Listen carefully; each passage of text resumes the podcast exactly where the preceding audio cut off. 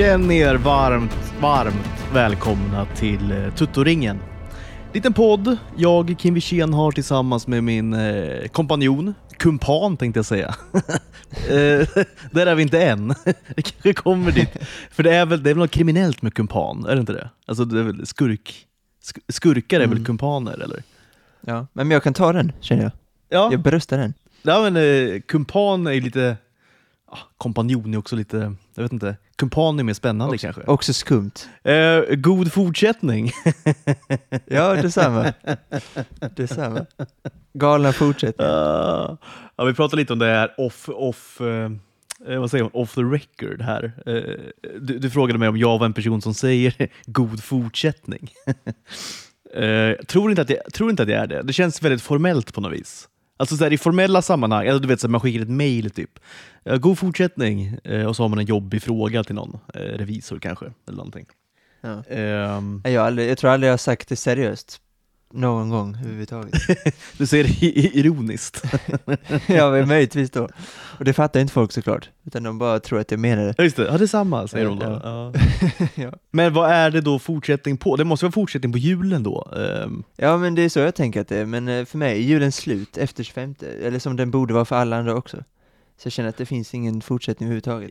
nej, precis. Men det, är- det är ju för att du är en, eh, som vi alla är, eh, väldigt sekulariserade i det här landet. Ja, det Julen kanske är är ju, ja, men jag tror julen egentligen liksom håller på ehm, alltså Till mycket påska. längre. Ja, eh, exakt. Fast däremellan kommer fastan. Ja, just det. som visan går. Nej, men jag tror att julen fortsätter, alltså över eh, 13-dagen och, och sådär. Eh, kanske till Ja. och med eh, ännu längre än så. Mm. Ehm, och eh, alltså det här advent man firar. Ja, det. är Det där, ju, advent. Som vi också är dåliga på att fira ju. Ja, jo. I Skandinavien Min släkt är de duktiga. Ja, men min släkt är de duktiga på det. Okej, men vad, vad gör Ja. då? då? Nej, alltså de tänder ljus. Jo, Det är jo. väl det. Ja. Ja. Sen eh, säger de det, det är idag är det första advent, men det är inte, inget görs ju. Nej, Okej, sen advent över. Ja. Ja, måndag morgon.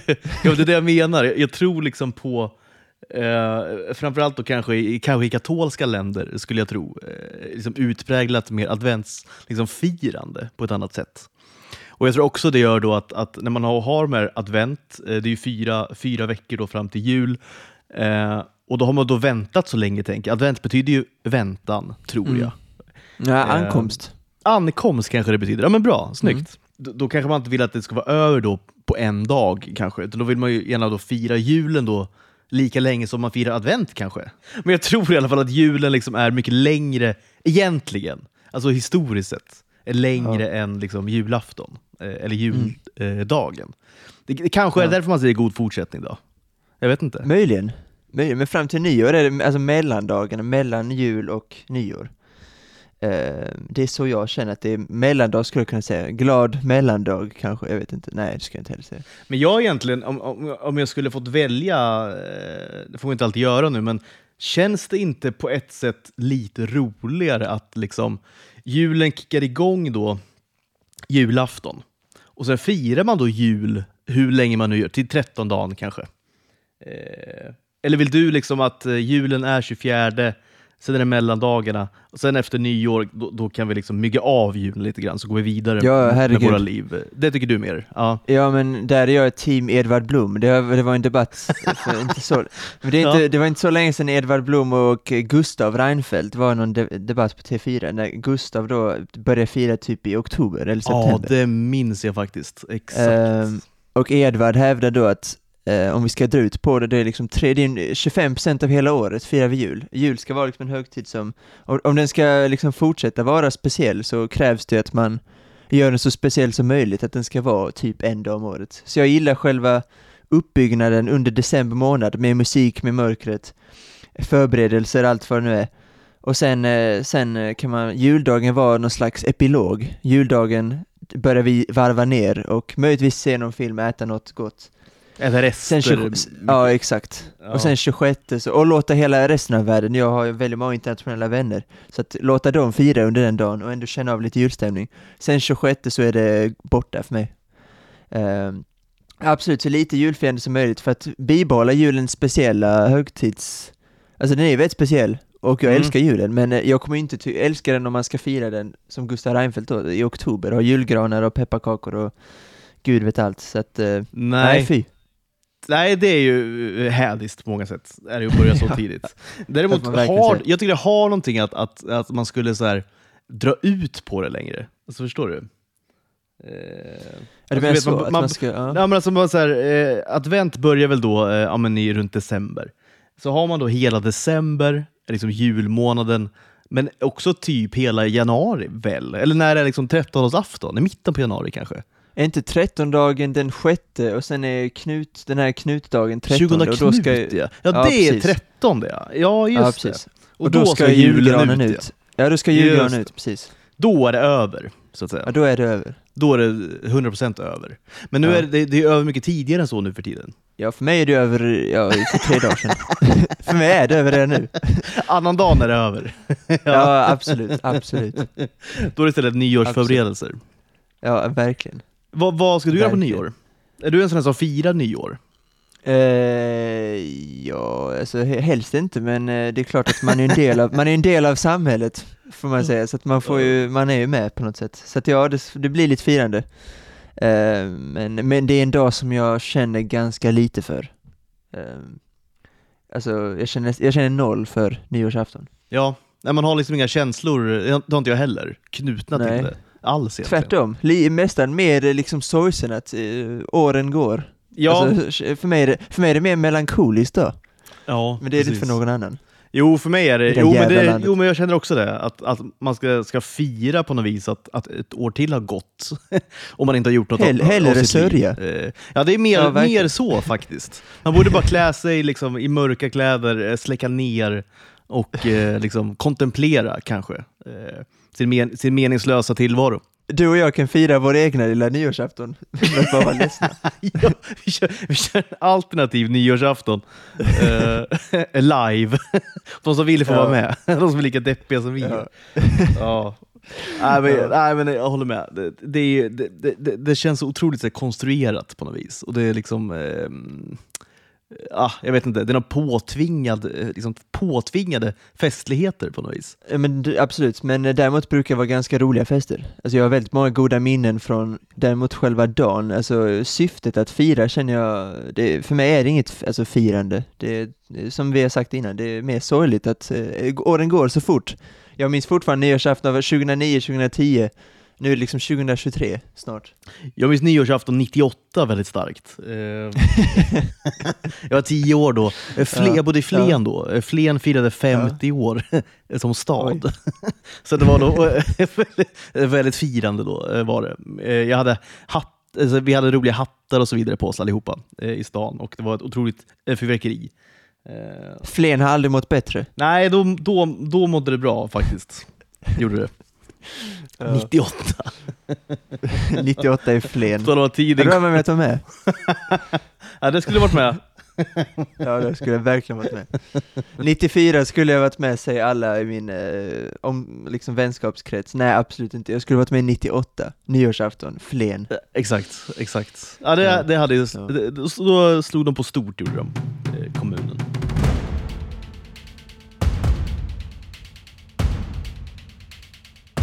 Men eh, överlag då julen, har du tid för mycket så här, tv och filmtittande eller vad, hur blir det för dig i vanligt, på vanligt sätt? I USA kollar man ju väldigt mycket på film och så, men jag har inte sett i princip någonting sen 22 december.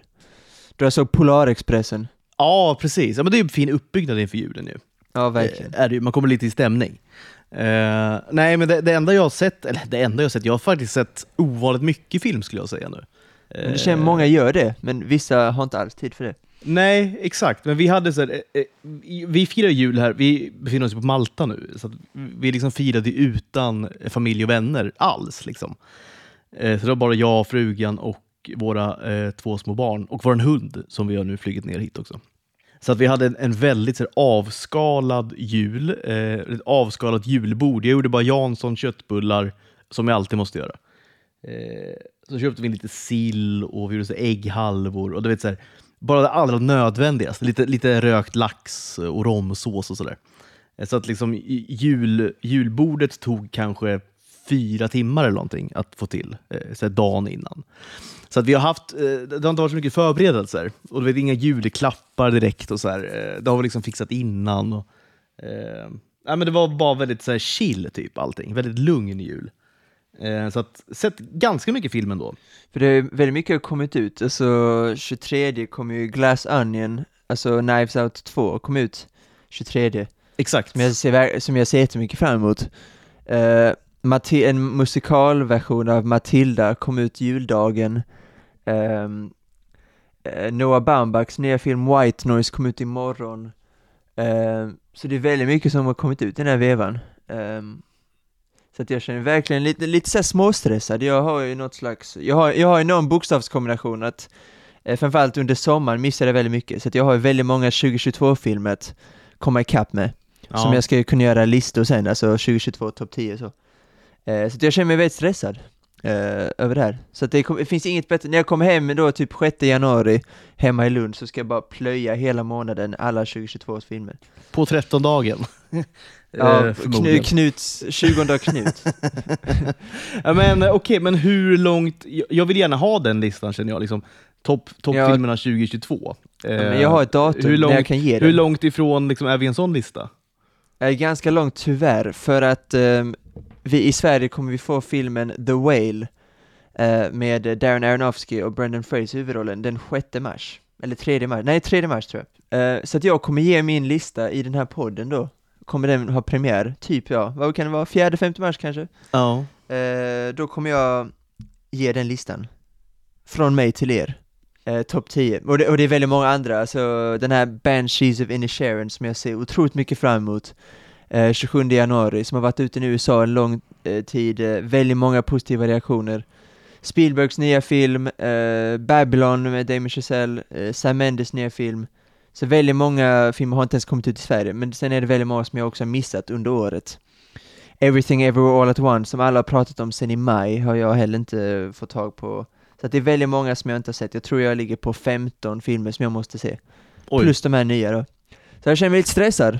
Eh, ja, jag förstår Ännu det. mer nu när det har kommit massa den här i december. Eh, eh, På verkligen. stre- streaming då. Nej, men på tal om på streaming, jag såg ju den här eh, nya eh, Knives Out, eh, Glass Onion, igår gjorde jag. Igår kväll. Jag tycker det var bra. Ska, vi ska inte prata om den nu såklart, eftersom inte du har sett den. Vi kan prata om den kanske nästa vecka, när du har sett den. Men jag tycker den här franchisen, eller så här, det som har blivit en franchise och kommer fortsätta vara en franchise, antar jag. Det är ju redan så här, de, de har ju klart tror jag, Netflix med, med en film till. Trean. Eller hur? Mm. Ja, Eh, det, det, det blev ju en sån liksom otrolig succé redan från början, när första Gla- eh, Knives Out kom ut. 19 kanske? 20? Det kan det ha varit? Mm. Ja precis, alltså runt, ju, runt jul 2019. Ja, okej. ja, Faktiskt, ja. 19 då. Det vart ju en, en otrolig succé. Eh, Ja, verkligen. Och, och eh, jag- jag, läste nu, bara, var tvungen att googla lite för att eh, alltså Netflix köpte då alltså upp två stycken uppföljare eh, för alltså över 400 miljoner dollar, eh, alltså rättigheterna. Eh, och Daniel Craig är ju såklart, eh, hoppar på tåget direkt. Och eh, vad heter han nu, eh, manusförfattaren? Eh, Ryan Johnson. Ryan, exakt, exakt. Vad har han gjort innan, tänker jag? Ja, det, jo, jag har koll. Han blev känd, eller han slog igenom 2005 med en film som heter Brick. Med, Eh, en, kan- jag tror han är från Kanada, så en, då var det en kanadensisk produktion då. Sen blev han ju, sen slog han igenom på allvar 2012 med Looper, med Bruce Willis och eh, Joseph Gordon-Levitt. Och eh, sen fick han ju då chansen, eh, väldigt känt, 2017 med att göra Star Wars 8. Ehm, Last Jedi som kanske är Alltså de senaste tio åren är det nog den absolut mest omdiskuterade filmen. Alltså den när folk verkligen inte håller med varandra. Många älskar den, tycker den är bästa Star Wars-filmen. Många tycker den är helt värdelös. Så att eh, det, är en, det är en väldigt duktig filmskapare eh, som har gjort ganska lite nu. Sen 2005 har han då bara gjort eh, med Looper, Brick, sen gjort en film till som inte blev så bra som heter The Brothers Bloom 2008. Sen då Star Wars-filmen då, jag gissar att den tog väldigt lång tid. Han skrev, och han skrev också det manuset. Eh, så att jag, jag ser fram emot eh, Knives Out 3, däremot är jag kanske inte, eh, lite som med James Cameron, att eh, ska en sån duktig filmskapare slösa sin tid med massa sådana här filmer, jag hoppas att han hinner med andra saker också. Men eh, jag är väldigt förtjust i Daniel Craigs Benoit Blanc och jag tror att det finns potential för mycket. Det som gör mig glad med den här nya är att den verkar helt annorlunda från ettan. Liksom helt ny, det är en helt ny cast utom då eh, Daniel Craig. Så att eh, den ser fräsch ut, liksom nya miljöer, många sätten är ganska annorlunda. Så att eh, det är bra att han inte liksom kopierar sitt framgångsrecept från ettan. Så jag ser verkligen, verkligen fram emot den. Eh, en av de filmerna faktiskt under hela 2022 som jag mest sett fram emot, alltså från början. Ja. Ehm, så att det ska bli jättekul att se den. Ja, Sen har jag hört många positiva reaktioner, så att jag inte, jag, tyvärr, jag, min, alltså mitt ultimata biobesök eller då streambesök är att när jag ser en film som jag inte hört någonting av, alltså antingen är det den sämsta film som gjorts eller den bästa eller någonstans mittemellan. Nu vet jag ungefär vad jag kommer förvänta mig i, i liksom kvalitet. Ja, verkligen. Det vill, verkligen. det vill säga att den kommer, inte, den kommer absolut inte vara dålig. Den kanske inte heller kommer vara så här fantastisk, men eh, jag får se. Jag älskar titeln också, Glass Onion. Glassalien, ja verkligen. Väldigt märklig titel. Eh, men det är, också en, det är också en märklig grej den här Glass Onion som du kommer se. Eh, är det. Eh, nej, men det är ju väldigt stjärnspäckad eh, cast. Är det, det är bara Norton, det är Kate Hudson, eh, den är Craig som vi har nämnt. Eh, Hugh Grant gör en liten cameo. Oj, oj. Li, lite. Det kommer du få se. Eh, eh, märklig, märkligt att han är med, eh, men, men väldigt kul. Jag blev väldigt glad när jag såg honom. Ja. Eh, På- men Kate i alla fall, Hudson, det var inte, det var inte man såg henne. nej, det var det nog inte. Hon Undrar vad ju- hon har gjort på sistone som varit bra. liksom. Det kan inte ingen, ha varit så mycket, ingen tror jag. Jag, hon- jag är Hon väldigt ju- förtjust i henne. Jag tycker hon är väldigt, jag tycker hon är väldigt bra. Eh, så. Eh, jag minns när hon slog igenom i eh, Almost famous. Va? Det måste ha varit hennes just- breakthrough just på många sätt. Den är ju Eh, skitbra den filmen. Ja, det är en otroligt eh, bra film. Det är en, Verkligen. minns jag inte vad han heter, rollkaraktären, men han är ju typ 15 bast eller någonting. Eh, Som får följa med, eh, får följa med rockbandet Stillwater på Ja. turné, liksom 70-talets eh, liksom Midwest eh, USA. Ehm, Mm. Jag äger till och med manuset till den filmen. Jag har inte läst den, men jag ska. För jag vill se om den, för det är, det är, Cameron Crowes absolut bästa. Ja, den är ju, ja, det är verkligen. Eh, Vanilla Sky är ju verkligen upp och ner, och eh, eh, Aloha var ju ett fruktansvärt, men Almost Famous tycker jag är fortfarande otrolig, otrolig film. Ja, det, det är den verkligen. Jag, jag tycker Vanilla Sky hade något, men det är också för att jag då avgudar Cameron Diaz som vi varit Just inne på det, som vi redan har, som vi redan har snackat om. som redan har avhandlat. Kanske nog med liksom surr om henne. Eh, och Tom Cruise är alltid Tom Cruise. Eh, Ja. Har liksom Tom Cruise gjort en dålig film? Det, det är en, det är en liksom, diskussionsämne jag ofta har med olika kompisar. då. Och, eh, Det har han ju, tyvärr har han gjort det ju. Ja, Men jag tänkte precis 20 säga det, att du, du är ändå en person som kanske kan svara på den frågan. ja. Eh, Det, men ja. det har han tyvärr, tyvärr ganska nyligen också. Uh, Brandon Fraser är ju högaktuell i The Whale då, som han är favorit till att vinna Oscar Mm. till. Eh, I början på 2000-talet blev han, det var då han kanske peakade i de här Mummy-filmerna. Eh, pre precis. Och, Och 2017 eh, då- Djungel-George va? Ja just det, ja, den har inte jag sett men... är det Eh, sant? nej.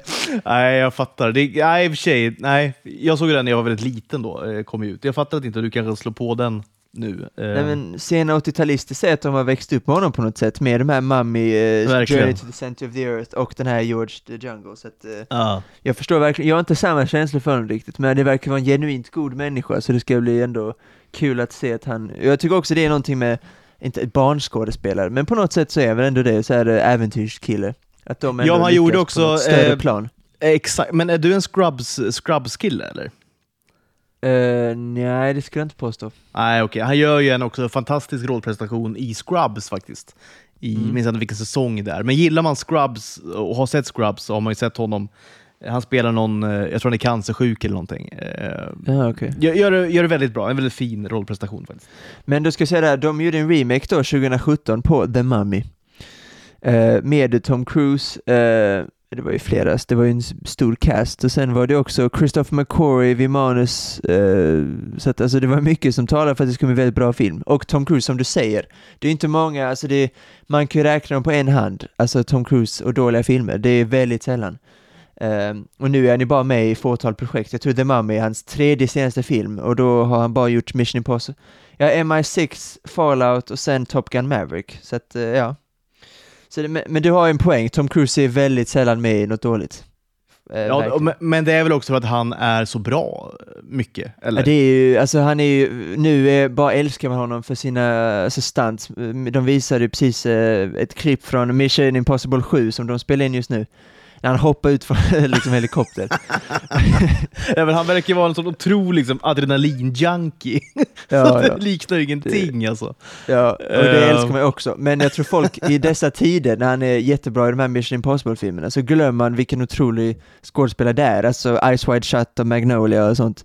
Nej men alltså, ja, ja, alltså. Rain Man, Jerry Maguire, alltså Ja, ja, ja, Cocktail, alltså du vet de här gamla 80-90-talsfilmerna. Ja, ja, ja. Det är ju en otrolig skådespelare, det får man ja, inte ja. glömma bort men, nu är det, jag. men nu är det liksom en actionhjälte också, så att det gör ju någonstans nästan att Tom Cruise blir den ultimata skådespelaren. Mm. Eh, på något sätt, när han är både actionhjälte och verkligen fantastisk dramaskådespelare. Det- Tycker du säger det bra, den ultimata skådespelaren? Alltså Ja, verkligen. men på något sätt så är det väl Verkligen. nästan så. Eh, så alltså att han kan göra båda. Ja. Ehm, Tom Hanks är en fantastisk liksom, skådespelare, men skulle han kunna göra Top Gun Maverick? Ja, det är väl tveksamt. Nej, det Eh. tror jag inte. Men det sjuka är väl att Tom, Cru- Tom Hanks och Tom Cruise är väl typ lika gamla? Jag tror det faktiskt. Alltså, Tom Vilket Hanks känns ju som tio år äldre, minst. ja, men det gör han ju minst det, exakt. Tom Cruise känns som han, han liksom åldras inte. Han ser likadan ut Nej. som han gjorde liksom 88. Alltså, Ja. Ser exakt likadan ut. ja. Gör han. Galna, Tom, galna Tom Cruise. Ja, det får Men man du skulle, säga något om, du skulle säga något om Kate Hudson och Glass Onion? Ja, nej, men jag skulle vara vara in på det att, att det är ju en, alltså att den franchisen har blivit så liksom enorm på så kort tid. Ja, precis. Kort tid, ja. Det var jätte... Det var bara tre år sedan den kom ut. Ja, men det är det som är så sjukt liksom. Och nu, nu har då Netflix köpt två stycken uppföljare. Vi har sett, eller jag har sett en nu och du kommer se den snart. Det är den här Glass Onion och sen kommer en till då om, inte vet jag, ett par år kanske. Um, och de då köpte rättigheterna för så här, nästan över 400 eh, miljoner dollar då, eh, för de här två filmerna. Och att de då får Daniel Craig, visst, han, såklart han fortsätter, men att man då får med liksom Edward Norton, Kate Hudson och de här eh, stora, stora skådespelarna. Liksom, eh, och, och, och- då, jag, jag läser också på, um, du är inne på att, att du, kan, du behöver inte vara så rädd för att den ska vara dålig. Och, och det behöver du inte vara såklart. Jag tror du kommer tycka om den väldigt mycket. Men det är ju någon sorts hype också kring de här filmerna som är liksom eh, också unprecedented nästan. Alltså, eh, jag läser på Rotten Tomatoes, den har alltså en approval på 97 procent. Den snittar då 8,3 av 10. Eh, på Metacritic, eh, som har, de använder en annan eh, sorts algoritm. Va? Eh, det, har väl någon sorts medelvärde tror jag, Metacritic. Ba- baserat Ja. på olika då, recensioner. Och där Det har brukar, vara, det brukar vara mellan 50 och 55 recensenter tror jag. Ungefär. Något sånt, ja. en, exakt, och där har han då en, en, ett score på 82 eh, av 100, som är också är bra. väldigt, väldigt högt ju för att vara Metacritic. Så att, eh, och, och, jag, håller med dig om, jag tyckte också om väldigt mycket ettan eh, och så, men, men det, det, är så här, det, har- det, det har liksom slagit ner som en bomb, liksom, de här filmerna, på något vis. Någonstans känns det som att du vill, men du vågar inte säga att du tycker kanske inte att de förtjänar 97% på Rotten Tomatoes. Ja, men så här, eh, det, är, det är ju liksom... Eh, det är ju en Agatha Christie-film liksom. Eh, som tagits in liksom i 2000-talet. Är det inte lite så också? Alltså, det är ingen kod som har knäckts, väl? Alltså jag kan bara prata för ettan, jag tyckte det var, det Dels är, dels är den väldigt re- välregisserad, och det är en väldigt bra cast, det är ju ettan också. Eh, Ja, det är det. Med Chris, Det är det. Evans, Chris Evans och Anna Darmas och Jamie Lee Curtis och eh, många fler. Just det! Just det. Eh, Stora namn. för, för mig, alltså jag vet inte med Agatha Christie, jag, inte, jag har inte växt upp med henne på det sättet, men eh, de här Orientexpressen och, och de, jag vet inte, för mig är det här mer en originell historia på något sätt. Eh, och det är mer, mer igenkännligt, alltså ofta med Orientexpressen och Döden på Nilen och sådana så är det väldigt välbärgade människor som åker ut och ganska, alltså karaktärer som man kanske inte älskar på något sätt. Eh, svårt att tycka om dem. Utom då möjligtvis Hercule Poirot, honom är man ju svag för, såklart. Ja, det är man. Är Såklart, man. ja. Men annars, annars har man svårt att, för mig i varje fall, att eh, då är man mer fascinerad av eh, alltså kostymer och liksom hur det ser ut, fotot och möjligtvis skådespelarinsats också. Men det med Knives Out hade var en otrolig skärm, otroligt tempo i manuset och även, alltså väldigt rolig överlag. Och eh, lyckas alltså skapa de här väldigt härliga karaktärerna som man bry, alltså, brydde sig om på något sätt, eller hade åsikter om. Och det var ju stora familjer, det var drama. För mig hade Knives Out verkligen mycket, och så var den väldigt Alltså när man fick reda på vem det var och vad, hur allt hände så kändes det också inte Det var inte så att man, ja såklart, som man gjorde lite på Döden på Nilen nu som kom i februari Eh, Precis, Utan det kändes, precis. det, kändes mer, det kändes mer fräscht Så jag tycker det var en fräsch tolkning på whodunit för att om Agatha Christie ska vara liksom den enda som ska ha den här genren, att hon ska äga den, då tycker jag att det behövs någon som fräschar upp den lite. För det Där är inte, jag... alltså, who, ja. Whodunit är liksom ingen genre som man eh, ser så ofta, utan det är ju Agatha Christie som du säger, och den här See How They Run som också kom ut nu tidigare under hösten med Sam Rockwell och Mm. Saoirse Ronan, den är ju baserad på Agatha Christies, alltså hon, det, är någon, det är en kvinna som spelar henne i filmen. Eh, så att det är väldigt få övriga, det är liksom en genre som inte är så det är inte så många som gör filmer på det sättet, så att jag tycker Ryan Johnson har fräschat upp en genre som vi inte ser så ofta. Eh, så att jag förstår, åtminstone ettan, sen om eh, Glass Onion förtjänar 97%, det får jag ju se. Men för mig är Knives Out absolut en 9,5 av 10, utan tvekan. Oj! Ja men starkt. Absolut. Men jag tror verkligen du kommer gilla den här också, eh, Glass Onion. Och jag håller faktiskt med dig om att det är ju lite, alltså Agatha Christie ska ju liksom inte ha någon monopol på den här typen av, som du säger, whodunit-filmer. Och jag Nej. tycker det är väldigt kul att Ryan Johnson gör en mycket mer liksom Eh, nej, men du nämner Döden på Nilen, Orientexpressen och det, som också kommit då i en ny, ny version med eh, Kenneth Branagh som både eh, Ja. Honom kan vi mygga av lite, tycker jag. N- när han gjorde Wallander var det över för Kenneth Branagh lite grann. Eh, Nej men som en regissör ska jag bara tillägga. Eh, ja, okej, okej, inte som skådespelare. lite- Alltså, nej, nej, det, nej, nej, nej, i och för sig. Hur mycket, hur mycket jävla bra han, hur mycket bra han varit med i, det vet jag inte. Alltså för mig, jag vet inte. nu, nu tänker jag högt, men alltså för jag kommer inte på en bättre film än Harry Potter 2 som Kenneth Branagh har varit med i. Och då är Nej. Harry Potter 2, ska jag tillägga, den film jag tycker minst om i Harry Potter-universumet. Så Ja, att, eh, nej, jag har inte mycket över till Kenneth Branagh, så honom kan vi mygga av nu. Det är ju då eh, fräschare såklart eh, med en, med en, eh, Ryan en Knives. Out. Eh, ja, eh, verkligen. Och ändå Benoit Blanc istället för då Hercule Poirot. Ehm, Ja. Ja, ja, men på tal om det, ska man se Hercule Poirot, då tycker jag inte man ska se de här nya filmerna. Då ska man ju se de här med David Suchet, alltså de här eh, tv-produktionerna. Där det finns typ så här, jag vet inte, 30 filmer kanske, Hercule Poirot. De ska man ju se. Jag har dålig koll, men jag har för mig att jag har ju sett de här reklamerna, alltså Hercule Poirot som gick på typ TV4 för ganska Ja, många år men sedan. exakt. Det gick på typ så här, TV12 22.00. Alltså så här, Exakt. du vet. Så det är den gubben, alltså den stora tjocka gubben med svart mustasch, det är den killen du pratar om? Ja, exakt. Han är inte eh, Styck- tjock, ja. men han är... Ja, eh, Stor. Ja, eh, han är väldigt korpulent, liksom, på något vis. Men vä- väldigt då Han är fin. lite mer satt. Ja, han är satt, eh, är han. Eh, exakt. Ja.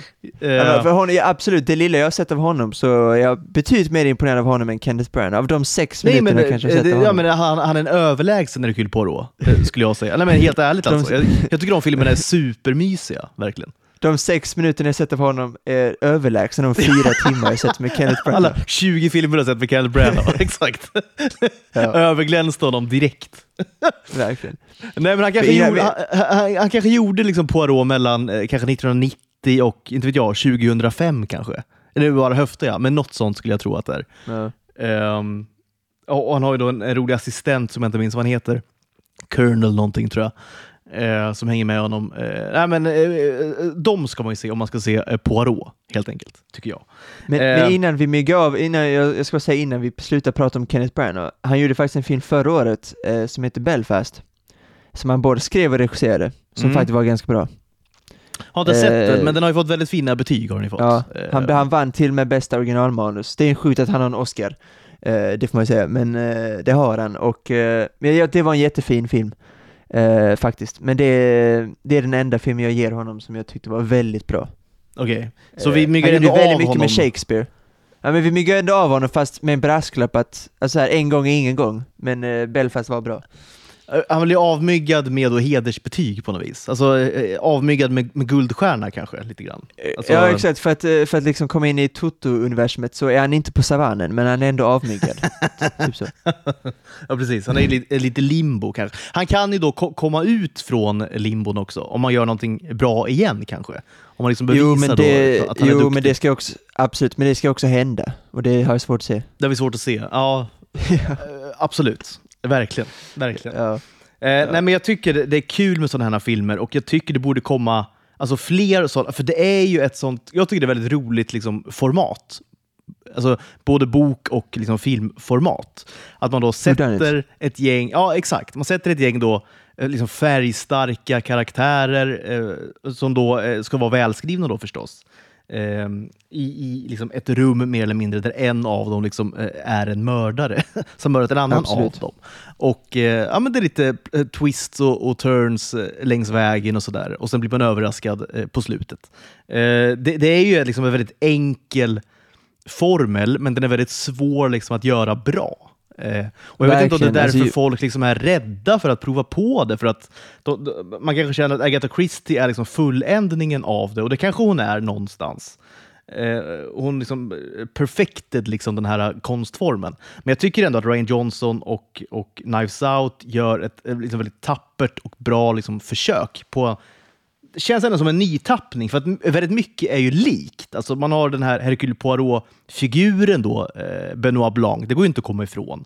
Också en väldigt här, färgstark, eh, flamboyant, eh, karismatisk, eh, liksom, eh, deckare, privatdetektiv på något vis, eller vad nu är för någonting, utredare eller vad nu är för någonting.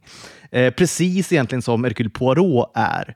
Det är liksom ingen polis eller någonting, utan, utan de, de, de måste liksom ändå agera inom liksom, eh, vissa råmärken som finns då. Um, och, och eh, så, här, det, det, det är ju verkligen en, en, en Poirot-figur, Benoit Blanc. Han har till och med ett franskklingande namn. Men det är, säkert, det är säkert fullt medvetet också, för att det ska vara liksom en tydlig liksom, blinkning till Poirot och till Christie. Men man gör det i en nytappning och man gör det liksom väldigt färgstarkt. Eh, man gör det med stora budgetar och storslaget. Liksom. Och det är ju då det blir som bäst också. Ju. Det ska vara färgstarka, färgstarka personligheter, färgstarka miljöer, du vet, privatöar, eller det ska vara någon kryssare på Nilen. Eller, du vet, så här. Eh, det, det är så det ska vara ju för att det ska bli som bäst. Verkligen. Det är som vanligt, det är manuset som är viktigt och det är karaktären som är det viktiga och där sätter ju verkligen Knives Out eh, med alltså Michael Shannon och Jamie Lee Curtis och deras karaktär, det är väldigt spännande historier, men för mig, Döden på Nilen, var mediokra skådespelare som gestaltade liksom någon slags överklass utan charm och karisma med Army Hammer och Gal Gadot och sådana som jag, framförallt Army Hammer tycker jag är helt, en värdelös skådespelare. Nej, men man, Eh, kommer, man får liksom ingen, eh, man känner liksom ingen koppling till dem på något vis. Alltså man bryr sig Nej. inte om dem liksom, inte överhuvudtaget. Ju. Nej, Eh, Eh, absolut inte. Och det är inga spännande, det är, jo, det är lite spännande kanske, men eh, Knives Out är också mer personligt, det är liksom mer, det är verkliga människor, det är vår tid. De diskuterar eftermälet, det är, det är en sån genialisk idé. Mm. Eh, att eh, pappan då dör, de bråkar om eftermälet, de har alla sina olika anledningar. Oskyldig, ja vad blev hjälparinna eller vad man nu får säga, att hon, hon jobbade, arbetade med honom, Christopher Plummer. Exakt. Exakt. Eh, det är en genialisk idé, han skriver alla karaktärer väldigt, väldigt bra. Det, det är bara en genialisk idé, och sen är han jätteduktig med det visuella. Fantastisk scen när hon springer ut från huset och eh, de går över till eh, handhållen kamera och det är alltid liksom skakigt när de kommer fram och så. Så det är, det är en väldigt duktig filmskapare. Till skillnad då från Kenneth Branagh som har satts in i en Ag- Agatha Christie-liknande film. Ja, men betydligt mer platt då, regi av Kenneth Branagh eh, är det ju. Ja, och det, det ja, kommer du se i verkligen. Glass the Onion också. Alltså, alltså, filmskapandet är ju på väldigt hög nivå. Alltså det visuella och, och fotot och kamerarbetet och så vidare är ju på eh, en väldigt hög nivå faktiskt. Eh, Och det tror jag du kommer uppskatta väldigt mycket. Eh, nej men det, det, det är också som gör sådana filmer så bra, det är ju att liksom, säg att man har liksom sju personer i ett rum. Där alla har motiv och alla har liksom tillfälle. Och ändå ska man liksom få reda på vem det är. Och det är det som gör det så väldigt bra. Liksom. Det är ju inte någon, någon trött deckare, liksom. det är inte Wallander Nej. då. Nej. Med sta, sta, eh, som, som spelas av Kenneth Branagh. Nej, det är det ju så verkligen inte. Det är ju inte, det är inte liksom Nygatan i, i Ystad, eh, liksom, Nej, eh, där det har skett ett sannerligen mord. Eh, och det, det, det är väldigt kul. Och jag tycker det är bra att, att, att, eh, att de utforskar den här genren och jag hoppas att fler också kommer göra det. Eh, Ja men det tror jag att det här sätt. kommer nog inspirera många, jag tror detta kommer inspirera många, men du är det så om du tror att det är svårt. Jag som själv skriver ganska mycket på fritiden och så, och har som ambition att bli manusförfattare, det, det finns inget jag skulle kunna tänka mig är svårare än att liksom skriva en historia, en who done it och att det ska vara en väldigt kreativ avslutning, att det ska verkligen, alla trådar ska finnas.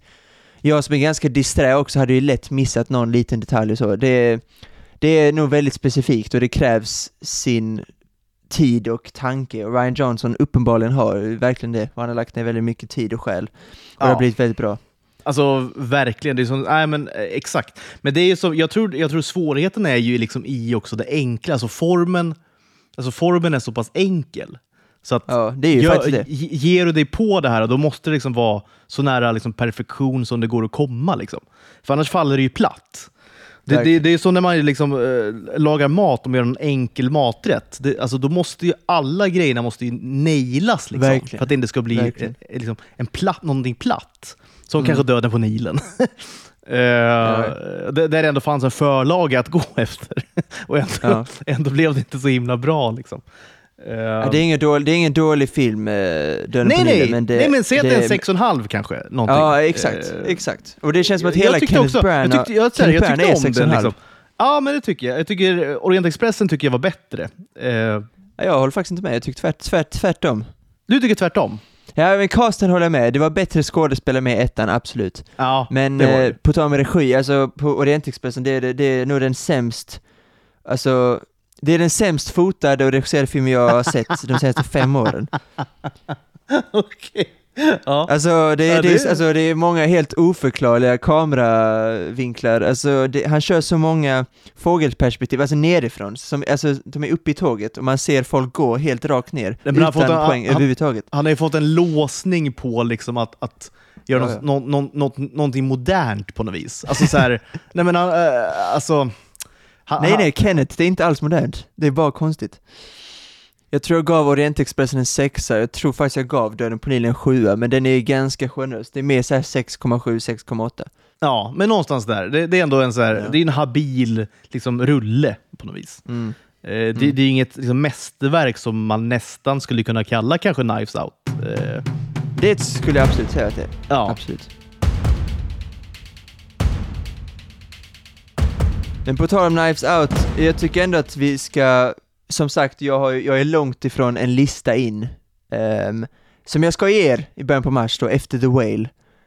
Um, men jag tycker ändå vi ska kunna ändå, eftersom att det är 29 december, vi kan ändå sammanfatta lite grann film och tv-året, alltså en halv sammanfattning, alltså en så här, eh, teaser till mars när jag ska ge Kanske också en tv-lista på tv-grejer som vi har, jag har sett 2022 och så. Mm, mm. Eh, så kan vi ändå prata, framförallt kanske bioupplevelser och vissa utropstecken vi har haft från i år och så.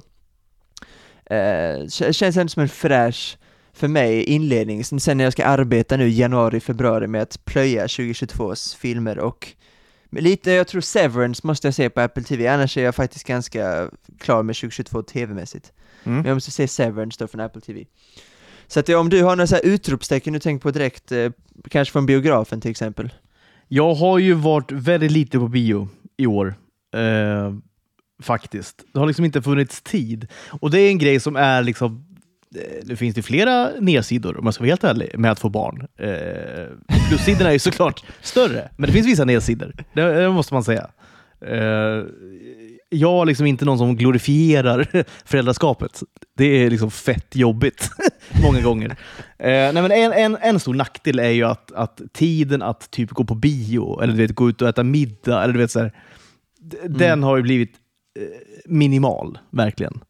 Du kanske Eh, inte vill veta, du kanske inte vill veta då hur många gånger jag har varit på bio? Jo, men jag vill veta det i någon sorts så här, eh, jag kan liksom sekundär vad ska man säga, jag, jag kan liksom li- lite leva genom dig lite grann. Ja, men det kan du göra. 27 gånger. 27, ja men det är en bra siffra. 27 gånger. Ja, men det Eh, tycker jag vad- ändå är ganska Ja, men jag bra. skulle säga runt 20 kanske jag går ett normalt år på bio. Ungefär. Ja, det är så så ändå. 27 är ändå en bra, det är ändå det är hög siffra. Är det. Ja, det får jag inte säga.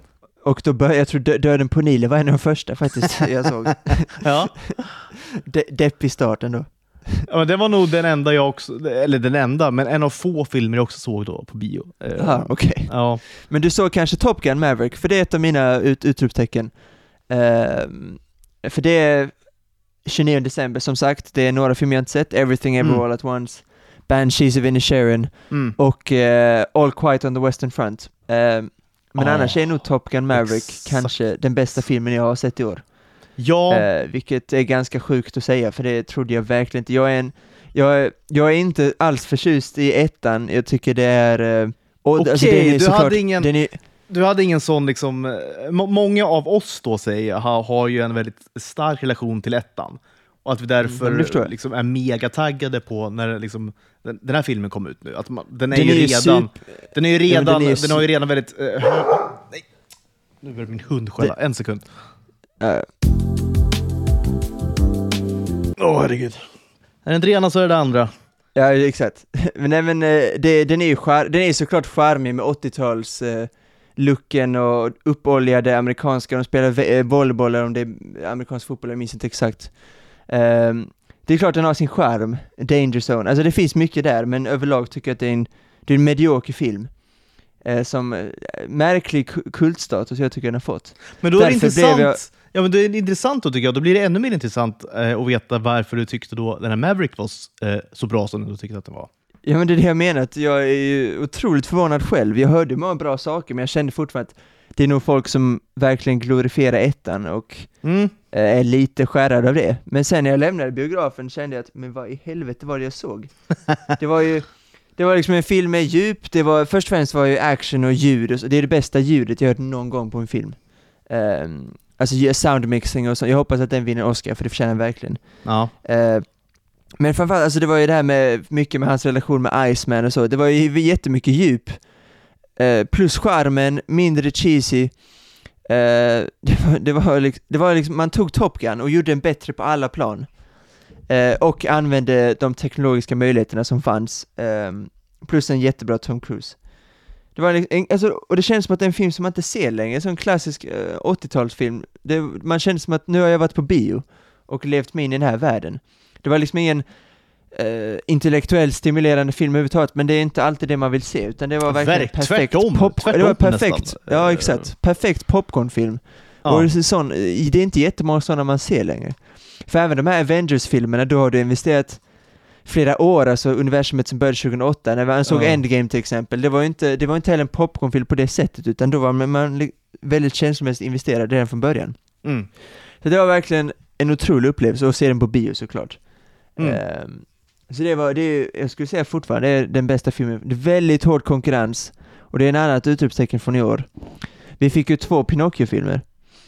Ehm, och den ena då, som förmodligen alla vet är bättre då, Guillermo del Toros eh, Pinocchio som kom på Netflix den 9 december. Som jag fick möjligheten att se i Milano ett par dagar innan. Jaha. Eh, eftersom att den hade in selected theaters, och jag gissar att Italien, där Pinocchio är stort, att de fick, de fick sina fördelar där. Ja, det får man nog säga. Pinocchio är Eh, för jag tror stor inte i Italien. Sverige. Ja, det, han är väldigt stor alltså, herregud. Såklart. Ja, det är klart. Jobbig publik förresten. Varje gång eh, det var någon italiensk fras så skrattade publiken. Alltså, Så irriterad, så irriterad jag var alltså. Shit. eh, men det var också väldigt likt Top Gun. Det är de två bästa filmer jag sett i år, ganska överlägset. Det är då Top Gun Maverick och Guillermo del Toros Pinocchio som jag verkligen rekommenderar alla att se. Det var, det var, eh, eller, det var också, precis som Top Gun, det var länge som man såg en saga bara berättas. Ehm, en mörk historia, eh, otroligt djupt, fantastisk musik, det är det bästa soundtracket i år, tycker jag. Eh, Alexandre Desplas score då. Eh, fantastisk stop motion. Det var också bara förtrollning på hög nivå och jag är glad att se att den sprids nu mer och mer på Netflix. Eh, för den hade lite svår och dåliga siffror i början, men den har verkligen ätit upp sig. Eh, så det är de två bästa upplevelserna, och sen såklart eh, Avatar, The Way of Water. Ehm, så jag sa innan, jag är inte alls ett stort fan av Avatar 1. Jag tycker det är en okej okay film, eh, men såklart otroligt visuellt. Men eh, det är Dansa med vargar för mig lite grann, framförallt i sista akten känns det som att det, det går inte att copy-pasta mer än vad James okay. Cameron gjort nu. eh, men eh, tvåan hade, dels var, alltså det här med vattnet, det var det är det överlägset bästa jag sett på film, alltså tekniskt och eh, fotot och eh, undervattensscenerna med ljusen och eh, det var, man, man hade verkligen öppen mun i tre timmar. Eh, och om man då lägger till lite mer djup i, när man, djup, alltså, han djupgår lite mer i familjen, de har ju fått familj nu, eh, Sam, Sam Worthington, det är också sjukt att han har fått den här rollen. ja. Det är du, det är du. Alltså, ja, men det, men det går inte att komma ifrån, vi har varit inne på det tidigare tror jag, men det... ja, det har vi. Nej, men det, Sam det, Worthington och Kenneth Branagh förmyggas av, ja det är det verkligen. Det är det verkligen. Det, det är så synd att Matt Damon inte fick den, för det hade verkligen varit en annan grej då. Ja, det hade det varit.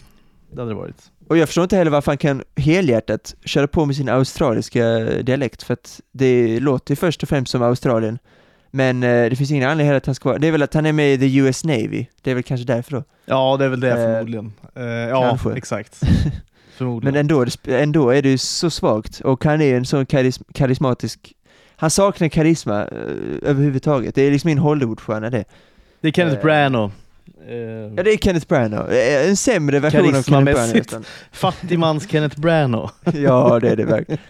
Men det, det, är tur att han är blå genom ja, hela filmen då, för att man ser inte så mycket av honom. Nej det är precis skönt. Men i varje fall, det måste du hinna se, gå se, du kanske redan har gjort det, men du måste gå och se den på bio om du kan, för att det är biomässigt det coolaste jag har sett Jo men det, det, är, det är en sån film man ska se på bio, är det ju.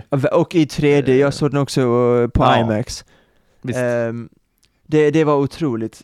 Och det var också lite mer djup för de gick mer, de har fått familj så att det, var mer, handlade mer om faderskap och familj och, och så. Så att det fanns mer djup än ettan och mer originalitet. Så att det var för mig, tycker jag, mycket mer om den här än äh, ettan. Mm, mm. Och det är verkligen escape, och det är verkligen escapism när det är som allra bäst. Och det är också lite så, de gör sig inte så mycket längre. Så att det är väl de tre utropstecken jag har när det kommer till äh, filmåret, kan man väl säga. Uh, jag kan ta lite på uppstuds här då. Uh, jag har inte alls sett lika många filmer som du har gjort. Uh, men en film jag tycker ändå kanske ska nämnas, eh, och det är för att jag är väldigt liksom, kär i, i den liksom, rollfiguren, det är ju The Batman. Mm. Eh, med Robert Pattinsons Batman. Då. Batman har ju mm gestaltats, ja, men det, är, det är som en Bond. Liksom. Det, det är så väldigt många olika skådespelare som har gestaltat Batman. Och eh, De ska göras på olika sätt och med olika vibes. Men jag tycker ändå att, att den här blev eh, eh lyckad på något vis. Jag tycker Robert Pattinson gör en bra Batman. Eh, det är en bra liksom, actionrulle som är lite mer alltså, rå och våldsam än, än liksom, Batman brukar vara. Eh, inte så lite heller kanske. Jag tyckte att, att det, jag vet inte, det, det, lite fräscht på något vis. Liksom lite fräsch Absolut. Batman, eh, på något vis. Absolut. Så den kan man väl ändå nämna lite grann. Vad, vad, vad, vad, vad tyckte du om den? Ja men The Batman, ja, uh, Top Gun, uh, Guillermo del Toro är de två, uh, Pinocchio är de två bästa, men The Batman är trea ganska klart just mm. nu. Mm. Uh, jag älskar den, verkligen. Um, Matt Reeves från uh, Apornas Planet of the Apes-filmerna, framförallt Dawn, och då kände jag att jag hade väldigt mycket tro på honom, framförallt när det ryktas om att han fick väldigt mycket kreativ frihet. Ja. Och sen när vi fick trailersen så kände man att det här kommer bli bra. Det här mörka som du säger, det var påminner mer om en film som Seven, när han hade verkligen detektiv, samarbetar ja, jättenära med Gordon. Exakt, exakt, verkligen. Och eh, det fotot påminner väldigt mycket om Arkham Knight-spelen. Um, som vi inte heller har sett alls riktigt på uh, duken. Mm. Eh, så det var jättekul att få se den här regniga gasen, för det är egentligen bara i spelen, ja, Arkham-trilogin. ja. Eh, vi har fått se det. Spelade faktiskt om det precis efter jag såg den, eh, så det var väldigt kul. Ja. Och jag älskar Colin Farrell och det var jättekul att vi fick se Pingvinen och The Riddler då som vi inte har sett sen Jim Carrey då 95 Exakt! Och Danny DeVito, och Danny DeVito 92 Ja, eh, så det var kul att få se nya tolkningar av de här och jag hoppas verkligen nu att i tvåan som han håller på att skriva nu, ja. att vi får se Mr. Freeze. Fast det hade ju Eh, varit- till exempel, till det exempel. hade varit det varit. Otroligt alltså. Men Ja. ja. Ja, tror du på det verkligen? Hade Jag varit hoppas kul det, alltså. jag hoppas det, det har ryktats lite, alltså typ så att en Dave Batista, typ han som på tal om Glass Onion, att han skulle kunna spela Mr. Ja, Freeze. alltså, äh, verkligen. Ja, det skulle jag ju kunna göra. Det skulle, Eh. det var, när, när kom den då? Det var den med eh, Batman och Robin, Arnold Batman och Schwarzenegger. Robin, ja. Exakt, Arnold Schwarzenegger med eh, George Clooney. det räknas va? inte. Batman. Det räknas inte. Eh, nej, det gör det väl inte. you! Nej. Ja, men det var ju, det var ju en pannversion, alltså det var ju Ice to see you! Och... Eh, det, nej, det, är ju, det, är ju, det är väl egentligen raka motsatsen till vad The Batman blev. ja, det är den filmen. What, ja, Eh. raka motsatsen till The Batman med Matt Reeves är ju. Arnold Schwarzeneggers skämt. What killed the dinosaurs? The Ice Age! Nej. Raka motsatsen. fruktansvärt. Ja, det är fruktansvärt. Eh, nej, det haveri till film såklart. Ja, det är det verkligen. Allra högsta grad. Men det är också otroligt kul att se den. På många Ja, ja, sätt. såklart. Nej men alltså, verkligen. Nej men tioåriga Wirsén tyckte den var kanon. såklart. Helt kritiklös. Det fanns Ja, ingenting verkligen. Vad roliga one-liners från Arnold Schwarzenegger, det, är liksom, Ja, det räckte exakt. för mig. Eh, men alltså det här The Batman-universumet med, eh, som han har skapat nu med Reeves, ser alltså tvåan kom, ser jag fram emot så mycket och jag hoppas verkligen att Mr. Freeze kommer att vara med. Eh, och andra, det finns jättemånga. Uh, det Batman-universumet är otroligt rikt med otroligt många bovar som vi inte får se så mycket på. Det är alltid Jokern. Barry Keoghan kommer ju vara med i tvåan, det är ganska tydligt eftersom att han dels är en väldigt bra skådespelare som har fått den här karaktären, så de kommer inte den här eh, raderade scenen kommer inte, för, alltså det kommer inte vara det enda som vi får se om Barry Keoghan. Nej. Det jag hoppas på, som är en liten teori, är att han kommer spela den här Jokern som är kvar i fängelset då, Arkham Asylum, Mm, mm. och att han kommer spela, han kommer spela en slags Hannibal Lecter-figur. Han får, kommer få kanske 10-15 minuter skärmtid och han kommer att diskutera med vem ah, boven nu än kommer vara i tvåan. Ja, ja, ja. Exakt. Som Ja, Hannibal Lecter med varit kul Clarice. faktiskt. Verkligen. Det hoppas jag Ja, verkligen att på nu när du säger det. Ja, det hade, varit, det hade varit väldigt coolt för att dels kan inte Jokern vara en ny huvud, alltså uh, villain eftersom att Nej, han har varit det så inte. mycket. Går han har varit inte. så mycket. Ja. De måste tänka på något nytt. Som det här med The Riddler nu och eh, Penguin, det blir ju toppen. Mm. Så Mr. Freeze och någon slags, ja, Clay, Clayface kanske, något sånt, det hade varit jättekul. Eller Poison Ivy, det har också Poison varit Ivy jättekul. tänkte jag på också lite grann. Eh, kanske, skulle kunna vara någonting. Ja. Det Ja. hade varit eh, också spännande. Ehm, sen eh, har du något mer än The Batman, men det, för det, men det var verkligen ett fant- det var det första, det var ju så bioåret började kan man säga, i ja, mars. exakt. när den kom. tidigt. Ja, precis. Exakt. Började ganska bra, sen kanske det avslutades ganska bra med, som du nämnde också då, på västerfronten, inget nytt. Ehm, också väldigt, eh, nej men, eh, det går ju inte att säga något dåligt om den heller egentligen. Den är Nej, också på okej. din säkert topp fem-lista kanske eller någonting. eh, Jag har inte sett den året. men det är en av dem som jag vet kommer utmana. Det är den Ja. och Everything Everywhere och sen de som kom i januari. Men det är de Ja. två som jag måste se. Ja. Nej men, Ja. och så ska vi inte prata för mycket om den heller då, men, men, äh, men jättefin och jag är ju också en sucker liksom för andra världskriget-filmer, eh, krigsfilmer och så vidare. Eh, och görs, görs ur ett perspektiv som är lite nytt kanske, lite, lite fräscht någonstans. Um, och, eh, nej, men jag, jag, jag gillar liksom filmer, alltså krigsfilmer som um, som inte har den här kanske mer 90-tals-auran av liksom nästan liksom krigsförhärligande. alltså så här, uh, att det, det är coolt på något vis, utan att krig är liksom det är det vidrigaste som finns liksom, eh, på den här jorden egentligen och det, liksom det mest onödiga som finns. Eh, och eh, att eh, ja, men, eh, jag, jag tycker det är liksom bra när, när, när film visar sånt också. Eh, att krig, krig är liksom inte, det är inte, det är inte ballt att vara soldat, liksom. det, är- det är ju bara fruktansvärt. Är det. Det är inte, det är inte Eh. konstigt att de, de två bästa krigsfilmerna de senaste åren är från England och Tyskland då. Eh, Mm. 1917 var likadant. Eh, Exakt. Två, två pjåkiga killar som var med i armén, hade ju, de hade inte en chans. Nej. Eh, sen lyckas de ju ändå, och det glorifierar inte, USA älskar ju, de är ju så patriotiska, de älskar ju sina veteraner och så. Så det Verkligen. blir väl lätt så. Det blir lätt så att de, de alltså det är hjältar, ja, men det och det jag är menar. såklart. Ja, nej, men exakt. Eh, men, exakt. men det ska inte vara fokuset kanske. Eller det Nej. kanske det kan vara, men det är ju mer spännande, för det är ju så här, det här är mer verklighetsbaserat då såklart. Nej men krig är ju, jag vet inte vem som sa det, men nu parafraserar jag också, men krig är ju liksom, det är inte liksom styrka och liksom heder och ära, utan det är liksom, det är, liksom, det är piss och det är liksom ångest. Alltså så här, eh, mer. Det, det, det är vad krig är för någonting. Och det är det Eh, verkligen. Så. Nej, men jag tyckte den var, det, jag tyckte den var väldigt bra. Ehm, Mm. Och sen vill jag, har inte sett den än och jag vet inte hur jag ska ställa mig till den, men det är ju den här Bullet Train som har Ja, just fått, alltså den har fått hur, så mycket airtime, alltså jättemycket airtime. Och men jag har inte sett den än, har du sett den? Det är också en av de 10-15 filmer som jag inte har sett. Som eh, var på bio, det var ju på bio under sommaren där när jag var ute mycket och inte kunde, inte hade tid för bio. Så Bullet Train ser jag jätte, jättemycket fram emot. Ja, men jag tänker också att eh, man måste ju se den i alla fall. Och den, den har ju fått Ja, också ja. ganska bra betyg. har den ju fått ändå. Ja, verkligen. Eh, och Brad Pitt är ju en liten, gillar man ju. Eh, Mm. Eller jag gör det i alla fall. Jag tycker Ja, jag också. är kanon. Liksom. Ehm, Det är ju ett, eh, det är en John Wick-aktig film. Eh, Med, ja, eh, okej, okej. ja. Det är ju regissören från John Wick 2 eller 3 tror jag och han är också, eh, jobbar med actionscener på dem också. Och Mm. var också, jag tror det var Brad Pitts stuntman från Fight Club, vilket också är kul. Hur cirkeln har sluts. Okej. Ehm, ja. ja. Så den ser jag också verkligen fram emot. Ja. Ehm, mm. Eh, sen har vi ju eh, The Northman. Eh, såg du den? Ja, just det. Ja. Det var en av Ehm. dem som jag tyckte så var åttor av tio, så riktigt bra, men inte fantastiska som Batman, Pinocchio och Nej. eh, Top Gun, men jättebra också. Det, är- jag tycker att det, det är Alexander Skarsgårds bästa film i karriären, lätt. Ja, det är... Ja, det kanske det är faktiskt. Why det not? måste det vara. Det är den eller hundtricket va?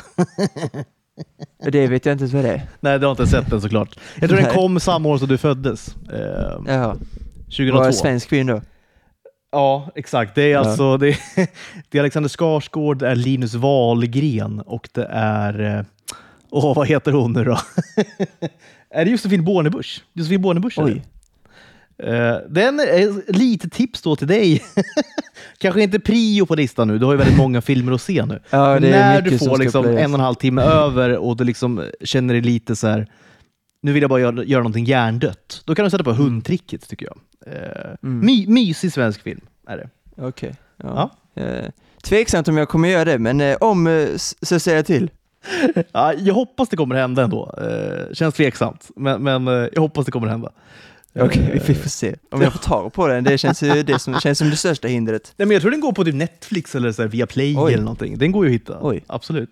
Det är ju en, det är en väldigt hyllad film faktiskt. Jaha, okej alltså, då. k- kult Ja. liksom. Eh, Oj.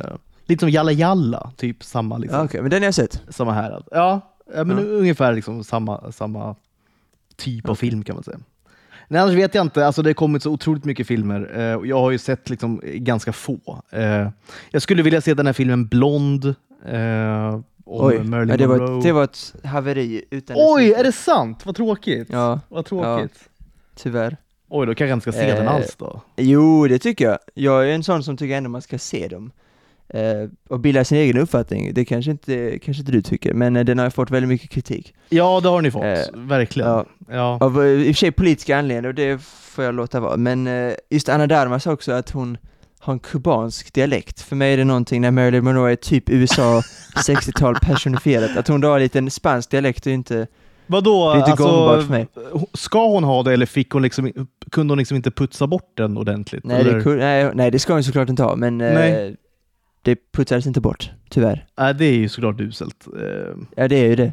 det är Sen det ser hon ut som Anna, sen ser hon ut som Marilyn Monroe och hon är ju en duktig skådespelerska men det är för kubanskt för mig och jag brukar inte vilja bry mig om sådana små saker men det tar ju en ut, alltså det, då, då försvinner upplevelsen på något sätt. Ja, det gör det ju såklart.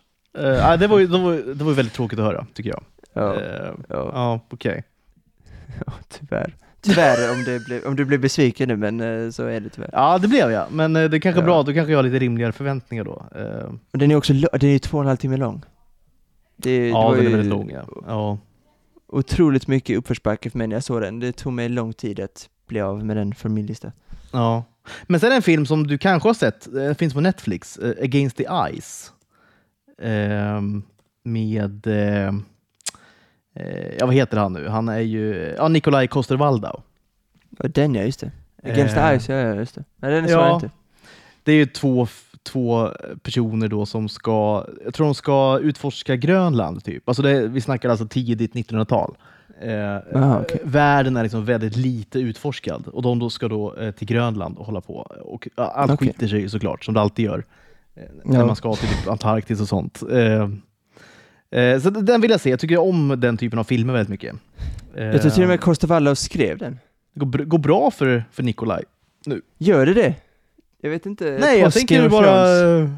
Nej, jag, jag, det känns så eller? Gör det inte det? Eh, ja, jag vet inte, alltså förutom Game of Thrones tycker jag inte att han har varit med så mycket som har blivit jättebra. Han var med i den här konstiga komedin som heter typ The Other Woman eller så, när han, det var han, på tal om Dean Cameron Diaz var med i den också. Eh, Har inte sett. Eh, och Jennifer Ann, Jennifer Aniston och så, så hade han tydligen varit otrogen med alla fyra typ, eller fem. Och då, hade de, då hade de alla de här tjejerna träffats, så hade de till, till slut konfronterat honom. Jaha. Ty- ändå Ja, lite låt. starkt, men det, Ja, utöver det- det så tycker han är ju Jamie Lannister verkligen personifierat och det är väl svårt att komma bort från det.